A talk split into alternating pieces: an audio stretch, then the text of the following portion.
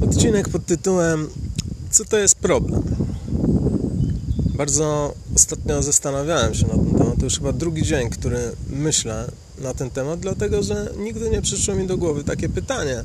A kiedy stanęło przede mną w pełnej krasie, zrozumiałem, że jest to pytanie bardzo, bardzo, bardzo podstawowe, którego mam wrażenie, że nawet cywilizacyjnie sobie mogliśmy nie zadać. Jako ludzkość. Co mnie do tego skłoniło, bo to jest ciekawostka. Rozmawiałem z, z kumplem. Rozmawiałem z kumplem i, i wszedł na tapetę temat em, terapii. Terapia była związana z, z czymś, z jakimś problemem de facto, który kumpel u siebie e, zdiagnozował i, i który było dość łatwo zdiagnozować, dlatego że problem, który on miał, był spowodowany, to znaczy może nie spowodowany, ale zwizualizowany w jego oczach tym, że problem mieli ludzie z jego otoczenia z nim. No i to jest rzeczywiście duży symptom problemu.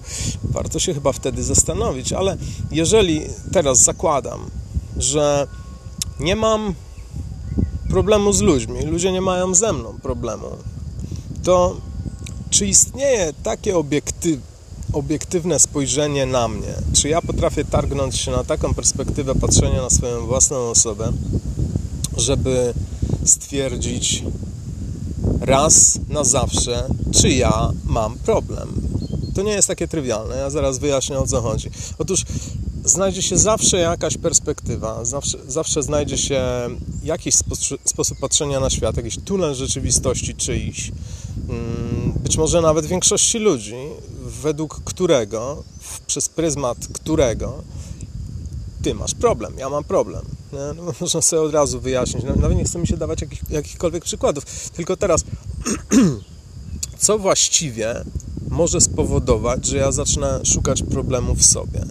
Bo jeżeli czuję się szczęśliwym człowiekiem, czuję, że nic mi nie dolega i odrzucam tutaj w sposób jakiś taki, no trochę może buddyjski, tematy myślenia na, na tematy rzeczy, które nie są w moim zasięgu, mm, nie potrafię z nimi nic zrobić.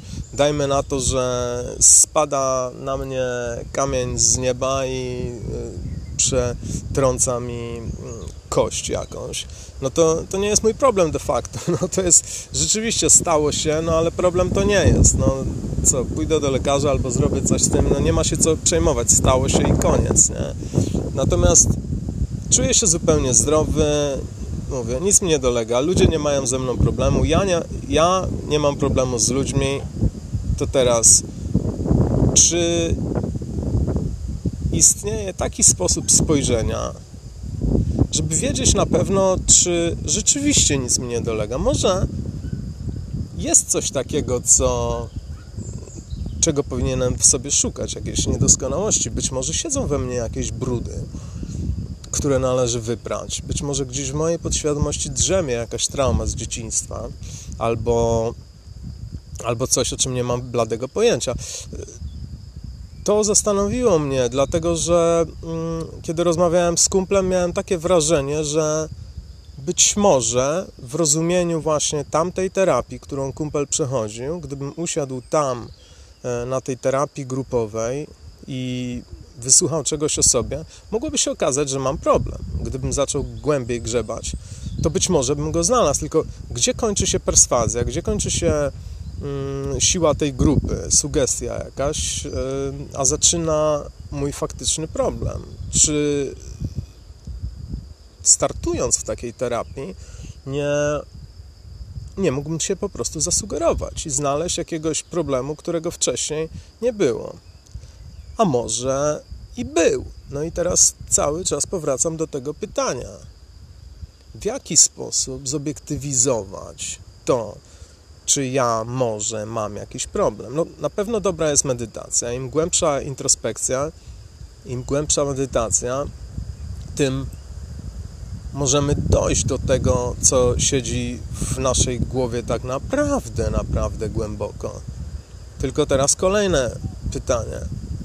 Co jeżeli medytacja omija pewne rzeczy? Co jeżeli te wszystkie jakieś pułapki, wytłumaczenia i tak dalej, i tak omijają bardzo sprytnie mechanizmy medytacji.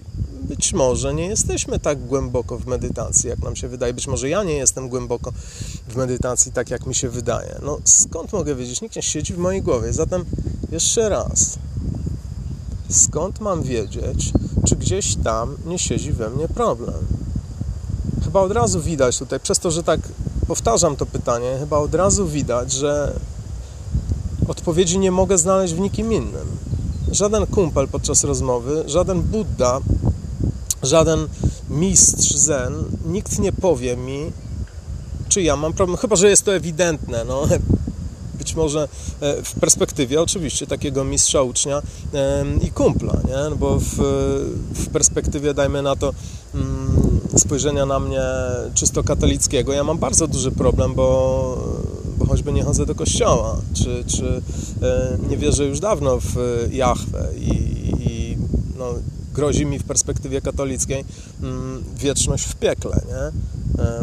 Zatem mam problem i ktoś może spojrzeć na mnie i powiedzieć, dobra, ewidentnie masz problem, chłopaku, kurczę, nie? Idź ty do kościoła, weź ty się y, ogarnij i może, może udać się wygrzebać z tego wiecznego piekła. Ale to nadal jest perspektywa osoby, która na mnie patrzy. Zatem jeżeli istnieje możliwość w miarę obiektywnego, no, pff, no, chyba nie, chyba nawet nie powiem obiektywnego, ale jeżeli istnieje możliwość spojrzenia na mnie z perspektywy, która mogłaby coś tutaj faktycznie o mnie powiedzieć, to ta perspektywa musi podchodzić ode mnie, prawda?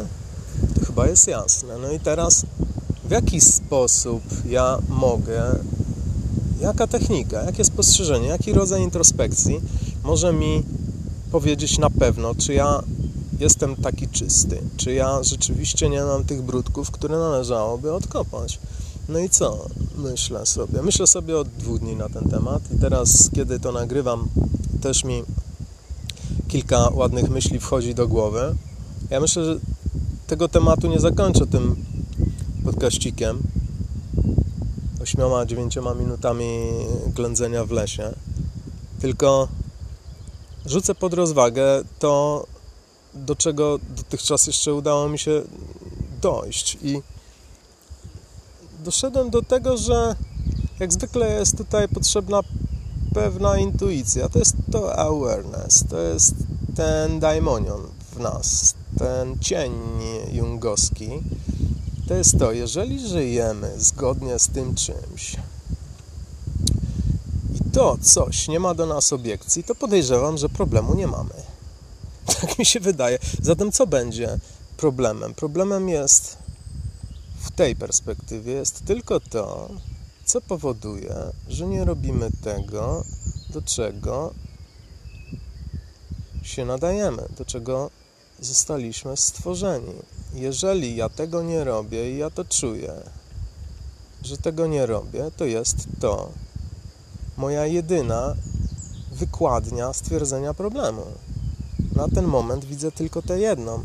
Czyli jeżeli czuję, że się opitalam w moim życiu, czuję, że nie idę tam, gdzie jest moja misja, nie idę w tym kierunku, idę w nieco innym, może idę w zupełnie przeciwnym, to to jest instancja stwierdzenia problemu i wtedy być może należy zacząć pracę. Jeżeli natomiast żyję zgodnie z tym daimonionem, żyję zgodnie z tą moją, nie wiem, no, awareness, naturą, przyrodzonym mi celem, jakąś misją w życiu i jakakolwiek by ona nie była, tam gdzie to mówi mi, że mam iść,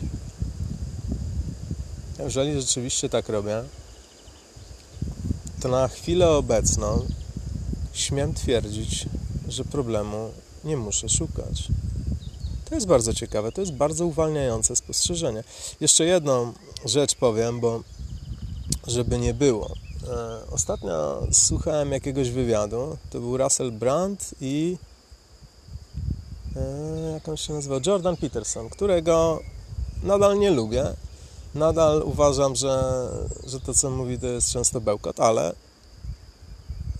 znalazłem bardzo fajną, bardzo fajny cytat w ich rozmowie. Obydwaj e, fascynują się Jungiem i Campbellem. No i podobno Joseph Campbell, w odróżnieniu od tego, y, co jak brzmi motto Doliny Krzemowej w tym momencie, podobno, y, co powiedział Russell Brand. Motto brzmi Follow your bliss. I rzeczywiście, jeżeli się parę książek przeczyta inspirowanych tamtym, mm, no tym technospirytualizmem, nazwijmy to tak, ja nie wiem jak to inaczej nazwać,